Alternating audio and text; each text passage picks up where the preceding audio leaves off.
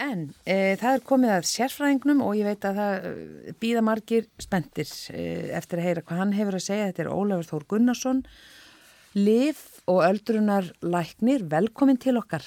Já, takk. E, takk las, fyrir að mér. Já, ve, ve, alveg bara, þú ert inn, innilega velkomin. Já.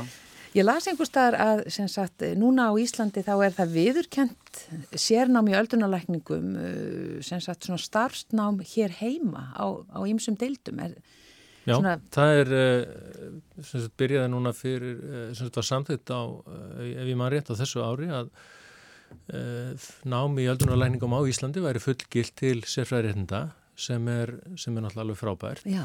og þá er það kent sem undirgrein við livlækningar annarsvegar og heimilislækningar hinsvegar og þetta eru, þetta eru mikil tíðindi og það er byrjað að taka inn í þetta program og Já. fyrstu tveir nefnarnir eru farnir á stað Eh, síðan eru fáinir í útlandum en þá sem eru sem sagt, ókomnir heim eftir sérnám en, en uh, þetta er bara mjög spennandi að, að við getum gert þetta hérna heima og prógramið sem er sett upp hérna er uh, af nákvæmlega sömu gæðum að ég til og góð prógram við að ellendis þannig að þetta er, eru spennandi tímar í fæinu Já, ekki spurning og þú sér það eru tveir nú þegar mm -hmm sem hafa hérna hafið þetta starfsnám en svona hvernig er enduníunum eða svona sjáu þið fram á að það verði nægir öldrunalæknar í nánustu framtíð? Ég held að það að við getum árið kent þetta hérna á Íslandi auki verulega líkurnar á því. Það má alltaf segja að það vanti fleiri öldrunalækna og meina, það er í hópi þeirra sem eru aldraðir er alltaf að fjölga sem er alltaf frábært sem betur fyrir er ekki allir sem eru fullotnir eða aldraðir eh, sjúklingar eða, eða, eða skjólstæðingar öldrunarlækna mm. en engu að síður að það, það skiptir miklu máli að, að menn geti leita sér þessari þjónustöðuna heima og geti fengið hann á skikkalögum tíma. Já. Hvað hefur þú unni lengi við öldrunarlækningar? Ég byrjaði í þessu hvað, 95 Já. þannig að þetta eru orðin okkur ár Já. og uh, alveg frábær tími í raun og veru uh, og það er eiginlega, það má eiginlega segja að sko það er aldrei leiðinlegt, það er alltaf gaman að tala við sjúklingahópið sinn mm. að því að þetta er sá hópur sjúklinga sem að getur alltaf kent mér eitthvað Já. og það er svo skemmtilegt eða allan að fyrir þau okkar sem erum þannig innstilt að hafa gaman af sagt, já, fræðastum fólk og læra um fólk, þá er þetta ofbóðslega skemmtilegt. Já og já, þetta eru, svona það er þessi hópur, það eru ímsir sjúkdómar sem herja á fólk á þessum aldri. E, svona hvaða sjúkdómar er þetta aðalega? E, í rauninni er það ekki kannski, ekki neini sjúkdómar sem herja sérstaklega á eldra fólk nema kannski, fyrst og næst kannski þá minni sjúkdómarinn sem eru kannski sérstakir fyrir þennan aldurshóp. Aðri sjúkdómar geta náttúrulega komið á hvaða aldri sem er. E, en við erum í öldrunarlækningunum kannski meira að eiga við það að fólk er með mörg vandamál samtímis og þá eru við að fást við samspil þessara sjúkdóma og reyna þá eftir bestu getu að meðhendla sjúkdómana þannig að meðferðin við einum ger ekki hinn verri og, og, og, og reyna þá átt okkur á bæði samspil í sjúkdómana, ymbirðis og síðan líka þeirra meðferðar eins og livja og annað sem við notum við sjúkdómanum. Mm. Þetta er, og þetta er mjög skemmtilegt, þetta er svona, þetta er stundum flókið En, en flókið er bara alls ekki leiðilegt ef að, ef að maður fær tíma til að vinna við það og, og, og, og skemmtilega sjúklinga og skemmtilega samst, samstagsfólk. Mm. Því að eldunarlækningar eru náttúrulega teimisvinna. Þetta er vinna það sem að menn verða að vinna saman í fjölbreyttu teimi helbyrjastafsmanna og uh, þá eru eins og hjúknarfræðingar, sjúkraþjálfarar, yðurþjálfar, félagsákjafar og fleiri og fleiri sem að þar skipta mjög miklu máli mm. og eru náttúrlegir hlutar af teiminu. Já, og finnst þér við stand okkur vel á þessu sviði? Já, það, það er að segja við stöndum okkur vel í því sem við gerum.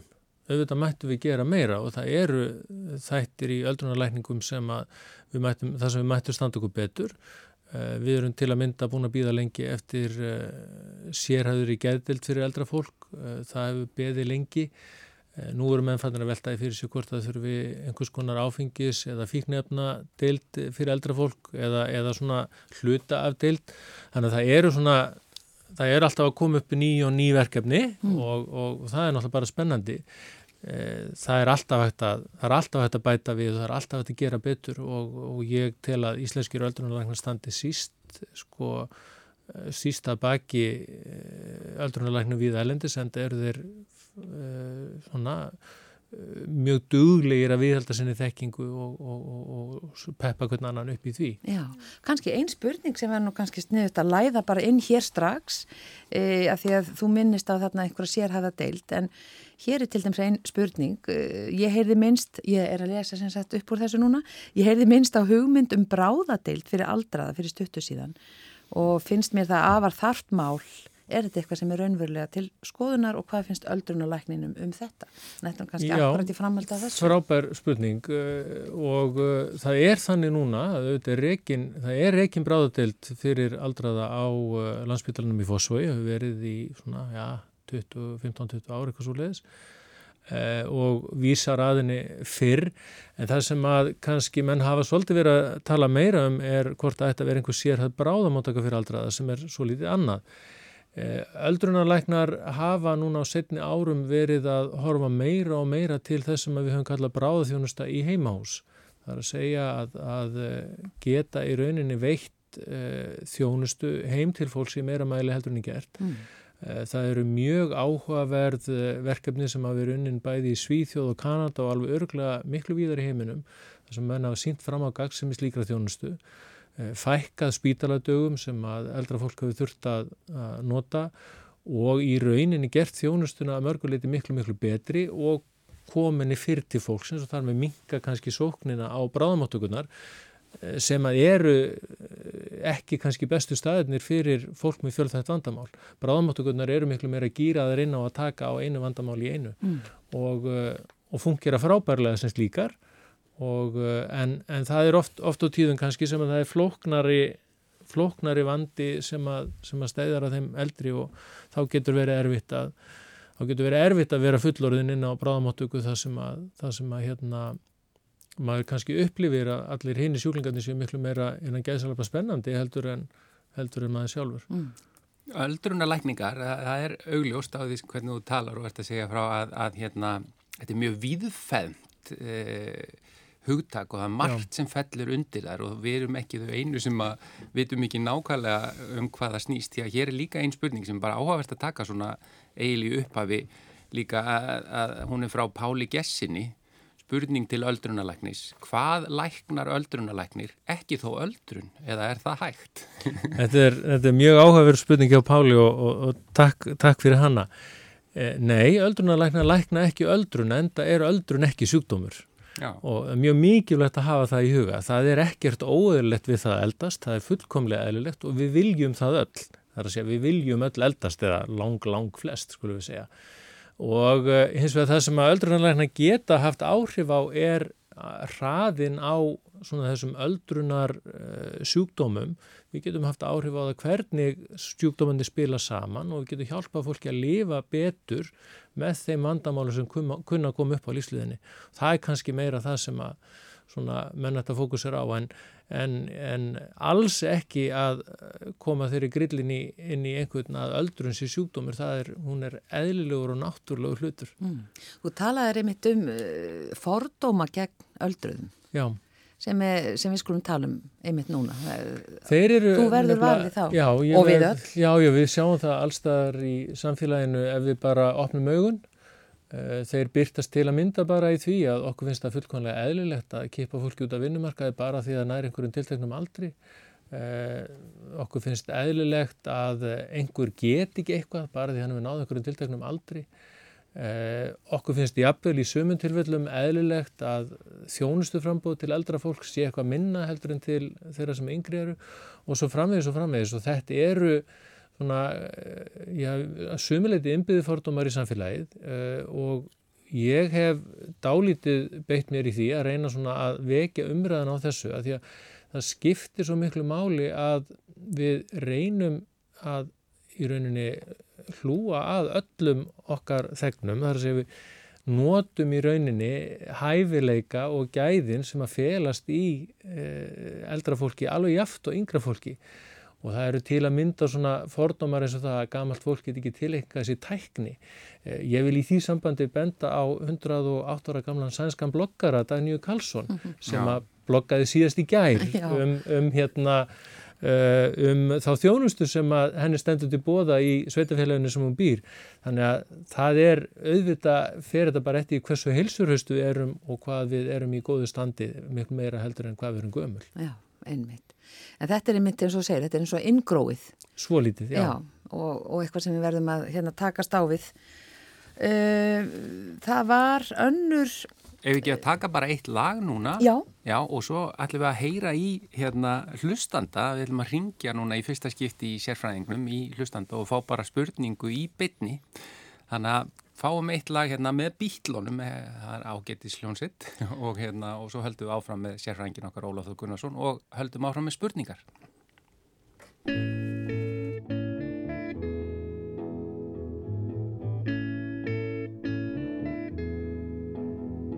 There are places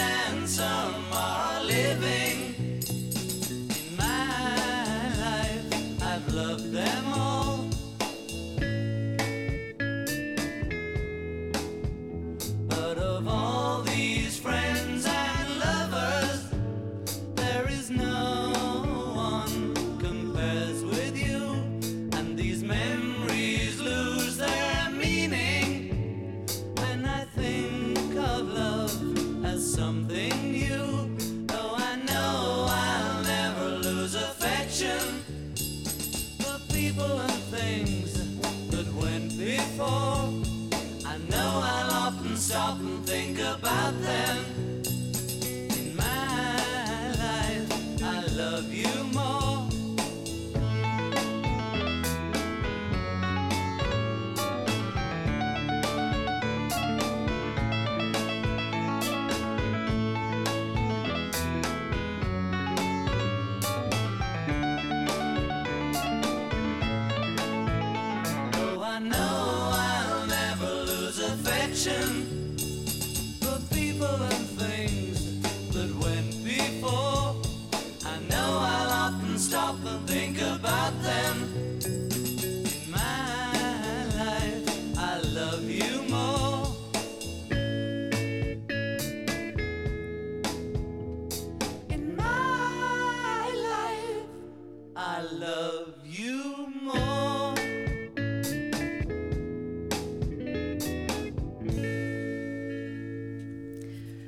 Þetta voru bítlarnir In My Life sunguður þarna fyrir okkur.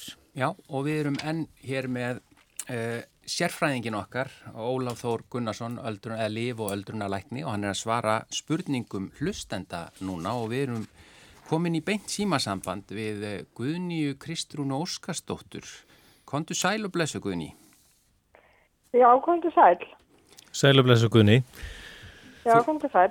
Þú sendir uh, inn spurningu, uh, vilt þú bera hana upp hér eða á ég að lesa hana upp og svo meiri sérstu með eina auka spurningu?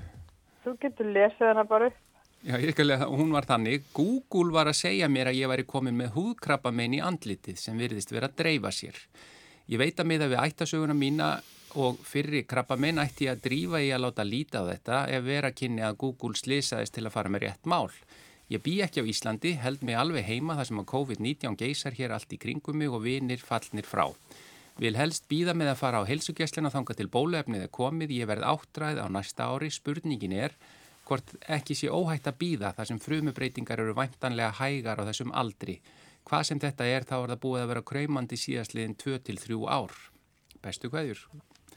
Já, kæra, þakki fyrir þetta Guðni. Það er, uh, það er náttúrulega uh, kannski má byrja á að rósa þér fyrir það að, að, uh, að leita þér upplýsinga einmitt á netinu eins og vorum að tala um hérna áðan að, og þú ert einmitt bara enn eitt mjög gott dæmi um það hvað fullorðið fólk er í rauninni duglegt að tilengja sér tæknina og það er alveg, það er alveg frábært.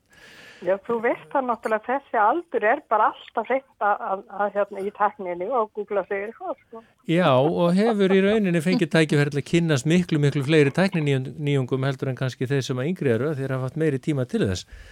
En, það. en uh, það er kannski varðandi þetta með svona húðvandamál. Nú er það þannig að lang flest uh, húðvandamál sem að koma upp hjá eldra fólki eru eins og nefnir eru hægfara en þó ekki öll og það eru kannski í grunninn tvö, þrjú uh, við skulum segja þrjú uh, krabbamenn sem að uh, koma í húð hjá fullunum fólki þó séu þetta fleiri.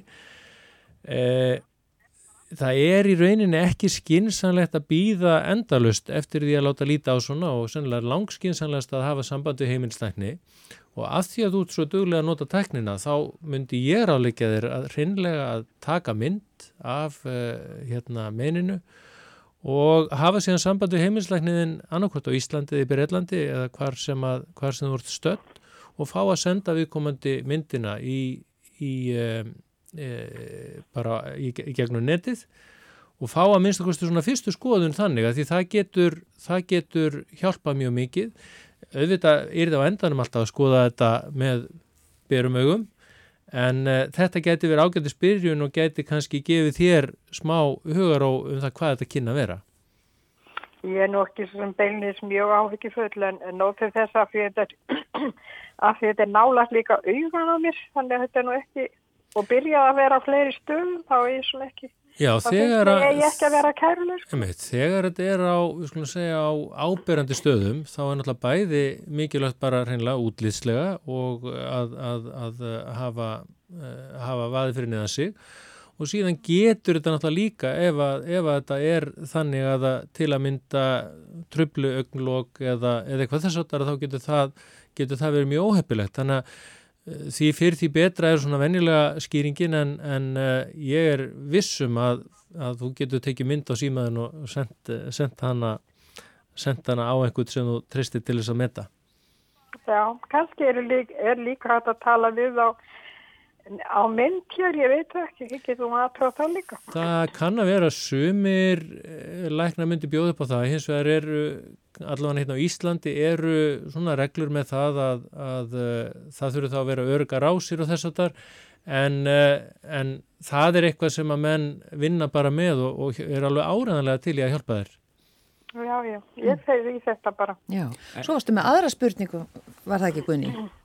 Jú, hún er nú svona kannski ekki alveg mikilvæg en já, ég er verið að undra mig á því að, að því að ég er nú með svo hepp, ég er svo heppin að ég er ekki með bjú eða borgnafætur eða svo leiðs vandamálni mm -hmm. að þá er ég með svona bara mikið af borgunútum bara alveg samfældum borgunútum í á fótunum. Þetta fyrst mm. ekki utan á. En svo sátt að koma við þetta.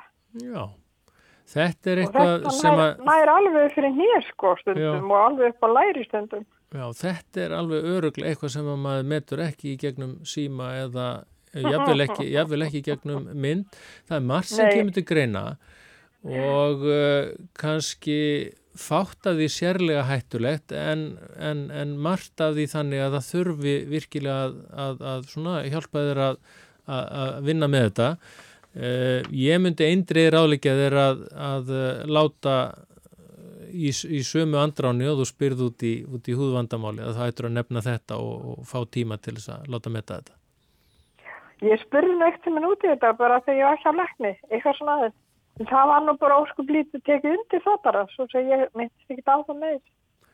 Já, ég er nú nokkuð vissum að, að svona, ef að þú finnur þetta og þetta er enginni sem ángra þig, þá ás á helbyrjastafsmaður sem hitti þig að minnst okkur að geta leiðbendir hvað er best að gera. Já, já, þetta, ég hef nú kannski líka bara verið óhaldið með, með lakni í þetta sinn fyrir auðvitað mísjöfni eins og við erum öll. Við erum öll mísjöfn en, en, en, hérna, en hlutur okkar allra er að reyna að hjálpa hvort eru að komast í gegnum lífið og skikkanlegan hátt. Já, já, það er nú málið. Þakka er kærlega fyrir Guðni Kristrún þakka, ég Óskarsdóttir. þakka kærlega fyrir góða svör. Já, takk fyrir spjallið. Takk fyrir spjallið. Guðni. Bestu kveðjur. Bless. Bless, bless. Bless. Eh, einu önnu spurning hérna, það er, já, Sæll Ólafur, ég lesi þetta bara beint. Nú er mikið talað um reyfingu og líkamsrækt sem nánast svar við öllum veikindum. Er það svo í tilfelli eldra fólks að það sé hægt að forðast eða koma í veg fyrir ímsa öldrunarkvilla með reglulegri reyfingu, sjúkarþjálfun eða slíku og hvað þá helst svona?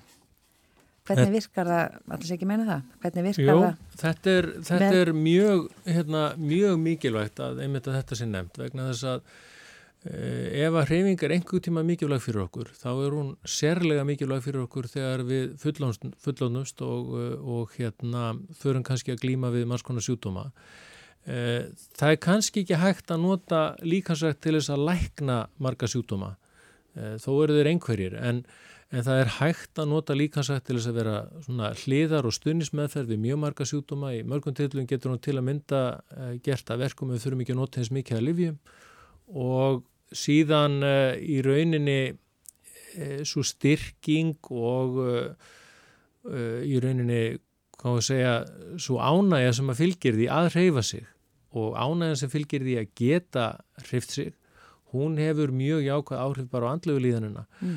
og þannig að þetta skiptir allt mjög miklu máli og, og svona svo ég fá nú að nefna einn uh, samstagsfélaga minn sem hefur mikið verið að skoða þetta, uh, Janus Guðlusson, íþróttafræðing og, og doktor í íþróttafræðing.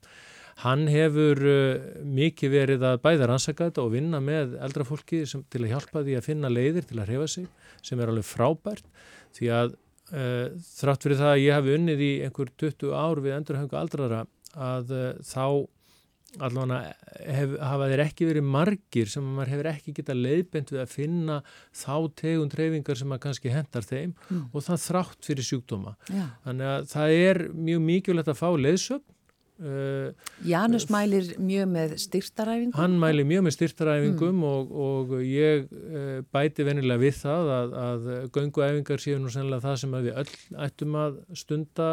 Uh, Íslandika fara mikið í sund og það getur skipt mjög miklu máli að bara félagskapurinn sem því fylgir og svo er það hitin í laugunum, gerir það verkum að menni og auðvaldra með að reyfa sig og finnst það þægilega. Já og þannig að það eru mjög margir þættir aðrir heldur en bara líkamlegir sem að reyfingin hjálpar okkur við bæði félagslegir og andlegir og þetta á endanum hefur nær engungu jákvæð áhrif. Það er hægt á fullorinnsárum alveg eins og yngri árum að ofgera sér í, í ræktinni og, og mann geta alveg farið fram úr sér en uh, ég held að við séum ekki enþá komið þar sem að það að fara fram úr sér í ræktinni sé líðhelsuvandmál heldur miklu frekar hitt að menn eru að hreyfa svo lítið. Já, og það getur verið erfitt fyrir einhvern sem er búin að vera eitthvað neginn svolítið í, mik í mikilli einogrunni svo hefur verið kannski undarfarna mánuði út af, út af hérna COVID. Já, það getur, það getur algjörlega verið það og þá er... Það er stærra áttak. Já, og þá er mjög mikilvægt að svona hjálpa fólki að finna leiðir.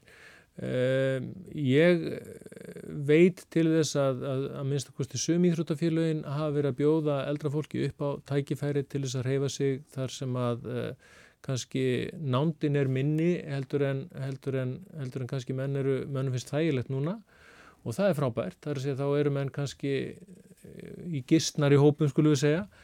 En bara, svo ég tæki nú eitthvað á mínu nærumhverfi, bara það að ganga kásnesringin, það er alveg ávið mjög margar sko, allavega mjög margar pillur af alls konar sem að maður geti ímyndað sér að fólk verður að taka. Á, áður en við sleppum þeir, þá langum við að kasta fram einni spurningu, það sem við erum með hérna öldrunalækni, bara að því að læknavísindunum flegi fram og, og bara vísindum yfir höfuð og, og meðferð verður betri og annað og meðalaldur hefur hækkað í gegnum árin og aldirnar sjáum við fram á það að við sem að verða kannski í nánustu framtíð kannski á næstu öld að, mannfólki verði miklu eldra en það verður í dag Kannski ekki miklu eldra en eitthvað og þetta hefur svona verið að mjagast áfram og uh, fyrir hvern áratug sem að mannkinn hefur lifað á 20. öldinni þá að bæst við hjá flestum þjóðum einhver ár eða minnstakosti misseri við svona lífslíkur Íslendingar geta flestir átt vona því núna að verða í kringum áttræðir eða, eða ég vil þar yfir. En það þýður náttúrulega líka eins og þú nefnir að margir ná að verða 100 ára. Og ég man það bara þegar ég var að byrja í öldrunarlækningum þá voru þeir örfáir sem að maður hitti. Nú finnst manni maður hitti 100 ára fólk nánast í hverju mánuði. Þannig að, þannig að þetta er alltaf breytast og uh, það hefur svo mikið verið skilgrindur einhver hámasaldur sem að fólk getur náð en uh, við vitum um fólk sem eru orðið 120 ára og eldra uh, það er eins og ég nefndi sænska konan sem ég nefndi áðan Bísnarhess 108 ára gömul mm.